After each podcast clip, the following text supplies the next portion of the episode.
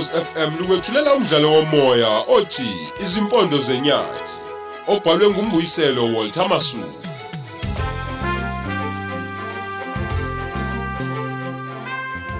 Nanku umdlalo womoya isiqephu seshumi nesikhombisa.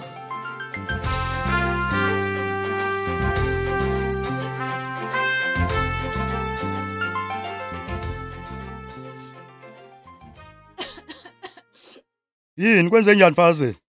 Umthaphuza Ukwenzani lo? ungishayile. Ube ngithuke ngibiza ngonondindwa. Ngoba bekwenze njani? Ube ngivimbile. Ethi ngimenze isilima, ngimbhanqe namadoda engithuka nje ngazo zonke inhlamba. Ngabe nisathandana yini nalo? Cha, ngisengimtshelile ukuthi asihlukane. Angisamfuni nje. Ube ngishayela khona lokho ukuthi ngiyamala. Kulungile Fakazi. Ngizokhuluma naye. Isilima le. Ungashaya umuntu wesifazane ngoba nakho nje sekwalile. Okusho ukuthi sishimane ngempela lo mthaphuza. Yazi nokuba ngiyakhuluma. Ngisindele ukuthi kufike umngani wakhe ubhuti umthembeni wangilamulela ebhizi engikhahlele. Kulungile Fakazi. Ngicela uyishiyele kumina. Ngizoyilungisa yonke le ndaba. Kodwa ngiyakucela amadlokovu. Ngicela nje ungamenzi lutho. Angifuni kuthiwe ngibulalisa amadoda. Bangaze bephinde bengithuke ngonondindo. Lokho ke Fakazi ngizokwenza impela. Anginaka ukuvuma ukuthi intombi yami ishawe yenye insizwa ngikhona. Ngifuna ngazi umthaphuza ukuthi ngiyindoda mina.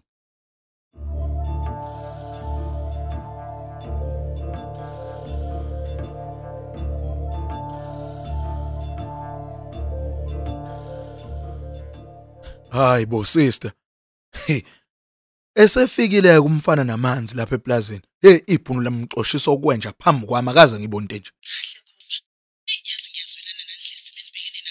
Hey. Ay ngikhuluma nawe nje abona manje. Hey asiwashile. Yayizwa into engisho. Sekufanele umuntu athathe ubhavu nengubo ayowasha lezantsi emfuleni uthalo.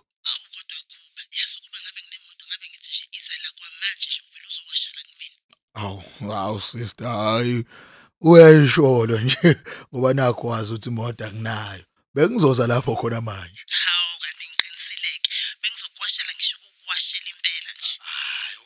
Ukasho yazi ngayiletha ngempela njalo ingubo mina ngagibela itekisi nje lamgaqolo omkhulu ngize lapha ehlobani.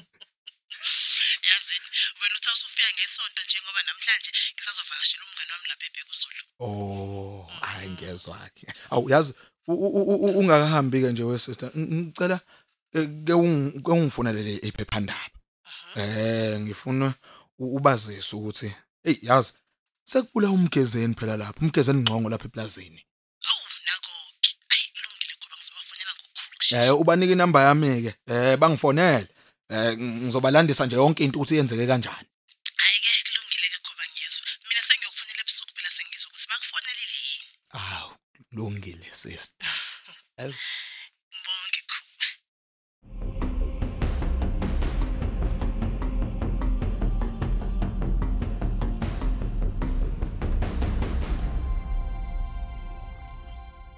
Ye uxolo wemthaphuza ngisacela ukukhuluma nawe bafu. Wi ileli khonde lubhazuka.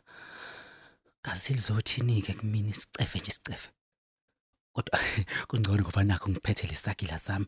Yabona nje uma ngibhedela ngizomphula ngasimbambo. Hayi uxolo ukukumemeza wethu. Ukuthi nje bengifuna ukukhuluma nawe. Ya, ufunani? Mthaphuza. Kade ngikhalelwa ufakazile ethi ubeshawa nguwe. Umthuka ngazo zonke inhlambe ekhona ezweni. Umkhahlela futhi. Oh, pho uthi bengimshayelani? Uthi wena awufuni ukwamukela ukuthi akasakuthandi. Hayibo akazange ngitshele mina ukuthi ucala sahlangani. Hey hey hey hey, hey musu ukukhuluma manga wena. Umphoqa ngenkani ukuthi akuthande kanti yena akasakufuni. Hayibo mfethu ngiqinisile akakaza ngitshela ukuthi akasangithandi. Ngingamphoqa kanjani maku ukuthi useshilo ukuthi cha sekuphele lona. Hey hey lalela la wemthetho. Ufakazile usethandana nami manje yazi. Ngicela uphume uphele kuyena ngabe sezwana. Kulungile ngizwile. Uma nje uke waqhubeka wamhlukumeza uzohlangana nenyoka iphuza umhluzi. Uyangizwa ukuthi ngithini kuwena? Uthi inyoka iphuza umhluzi. Kungcono ke ngoba uzwile. Angisopinde ngikhulume nawe le ndaba. Hayibo manje manje uyalwa pho? Uyalwa yini pho? Hey hey uma uzibuka wena umthetho wakho ucabanga ukuthi ungalwa nobani? Umthetho wakho uyini wena?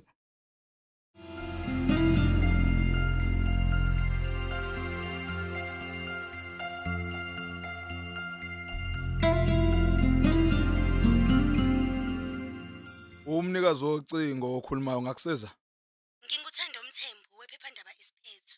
oh yebo mvelase Inamba yakho ngiyithole kuThembi Mfusi onginesi waseHlobane Clinic. oh hayi ngiyambona usister Mfusi lapha ekliniki Mhm. Hayibo awungiphuthume. Lapha eplazini kudutshula umsebenzi.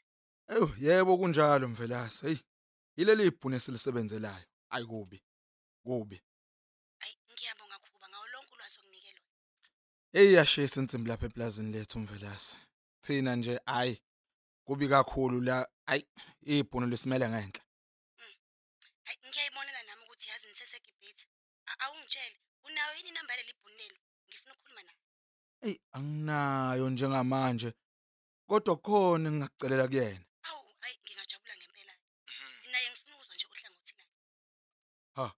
U- u- uzomfonela kanti umabalengwa Yebo ngizomfonela. Phela umthetho weintathelo usho kanjalo. Kodwa ngithola inhlangothi zombili ezithintekayo. hayi hayi hayi, i- i- i- imaki i- imasisi ngiphephe kangakanani mina u- uma uzomfonela O- o- noma ufuna ngixoxe lapha eplazini lakhe Ngeke ngize ngimtshele ukuthi ngizwe ngawe. Khulileka ke ngalapho. hey please sisungasho ukuthi uzwe ngami Khulileka. eh uyobuphazamisa izinhlelo zami eziningi engiphezukwazo ngaleli ibhunu Ngicela ungithumele leyo namba ke bandla. Ngifuna ukuxoxa nalo leli bhunu. hayi na kanjani ng- ng- ngizokutholela yona Ngiyabonga.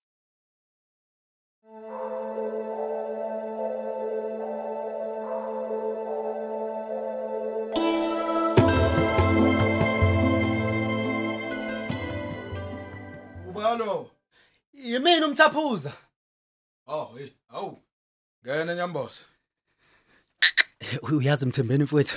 Mthembeni bro wami ngizobulala umuntu. yini kwenze njani Ngizobulala umuntu mfowethu. uzobulala umuntu yini kwenze njani Uyangijwayela mfethu ufakazile benalo ubhamu kuza wakhe. Ubhazuka ubhamuza leyo nto ke. Bayangicasula. Imali, imali.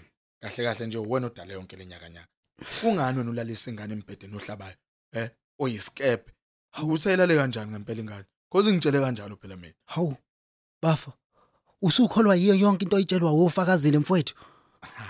Hawu.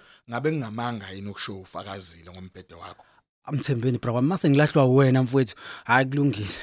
Kulungile mfowethu. Ngicela ukubuza ke mthembeni. yeah Ilungile yini lento eyenziwa ufakazile mfethu ukuthi avela ngale ngenxa yombhedo wami mfowethu. ithi ingane phela ibingakwazi ukulala kahle embhedeni wakho ngoba ibihlatshwa yibringi zombhede Mthembeni mfowethu usazi kahle wena isimo salapha eplazini mfethu ukuthi sihola kancane kanjani. Anginayo mina imali yokuthenga umbhedo omusha bra wami. ayikhalanga nga- ngakho lokho kuphela ibuye ekhala nga- yakhala ngokuthi izingubo zakho zangaphansi lezi hayi impela hayi Hayi. impela. Oh, yabona-ke manje mfowethu. zibhobokile. Mfowethu uyabona manje? Bafo bafo usuzenza muhle ngami ke manje. Uyabona masuzenza muhle ngami? Nawe nje ukuqala umbhede wakho ugugile futhi usuqakekile awusalali ngisho kuwona usulala le kamashange zonke izinsuku kahle kahle kahle kahle. Owambhede nje awusona isikebhe njengowakho ibring zawo ayihlabi futhi. Bafo? Ungezolala kuwo kwayo wena manje uma ufuna ukubona. Yabona mfowethu Ah wangiphoxa bafo kodwa hayi ngcono ngivele ngihambe ngoba ngiyabona ukuthi lento le yenzakala iyakujabulisa wena kuyacaca futhi wena ungifisela into enhle wena ungifisela into enhle Eh zabe ukushintsha ndoda. Awuyithande man hey. Athi usebenza. Eh thenga umphetho omusha manje ingubo zokugqoza ngaphansi ezintsha. Eh ababhede umthaphuza bakithi.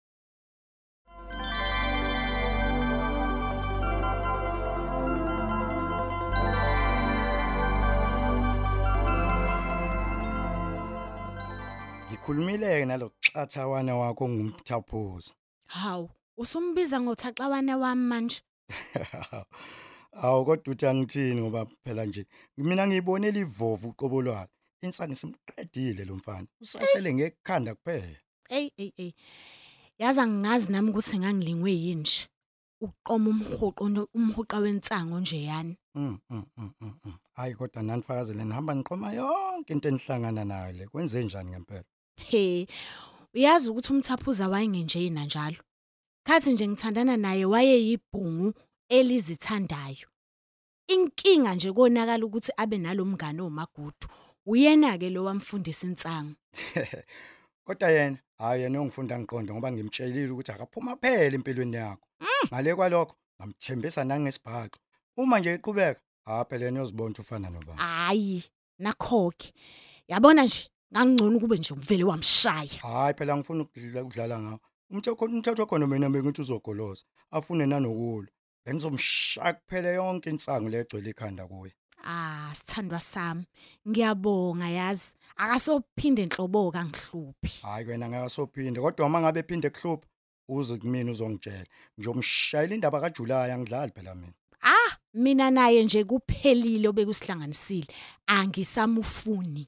Oh fakazile ngiyabonga sithanda sami ukuthi ungethemba ngeke usahlushwa ilutho manje emhlabeni mangikho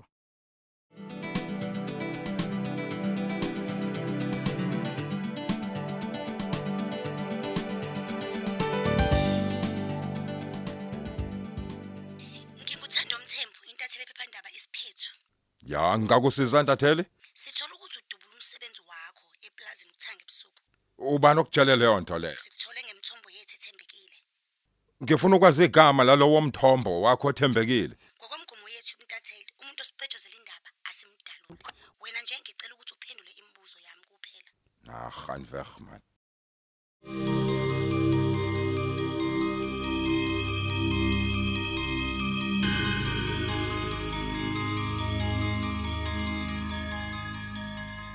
Ubani manje lokufonelayo Stoffel? uthi uyintatheli yephepha Intatheli yephepha. Ufunani? ingibuza ngendaba yokufa kukamgezeni Habe. Isikuzwe ngabanika futhi lokho manje. kuyacaca kukhona osebenza lapha eplazini okhipha izindaba zalapha Yazi, inamba yakho uyithathe phi uyithole kanjani? U- Uthole ngiyadideka kanjani nami namba Lizette, yakho? ngidideka impela nami Hmm. mntakwethu ukuthi Hayi, bayithole phi inamba Iyadida yami ke lento. uyazi ngisandwa kufonelwa unesi waseclinic ezinsukwini nje ngadideka futhi ukuthi naye uyithole phi inamba yami Laba bantu sebetshela intatheli ngokufa kaMgezeni. abangazi.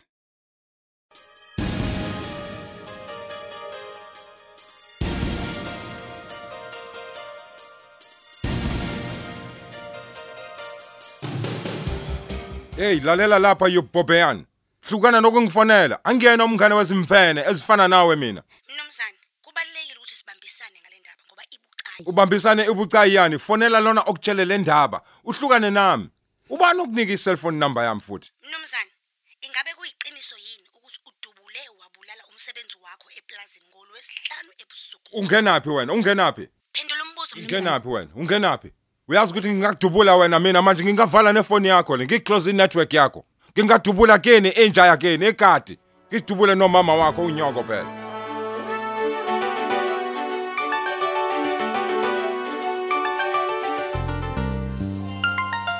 Siubeka lapho umdlalo wethu osihloko sithi izimpondo zenyathi.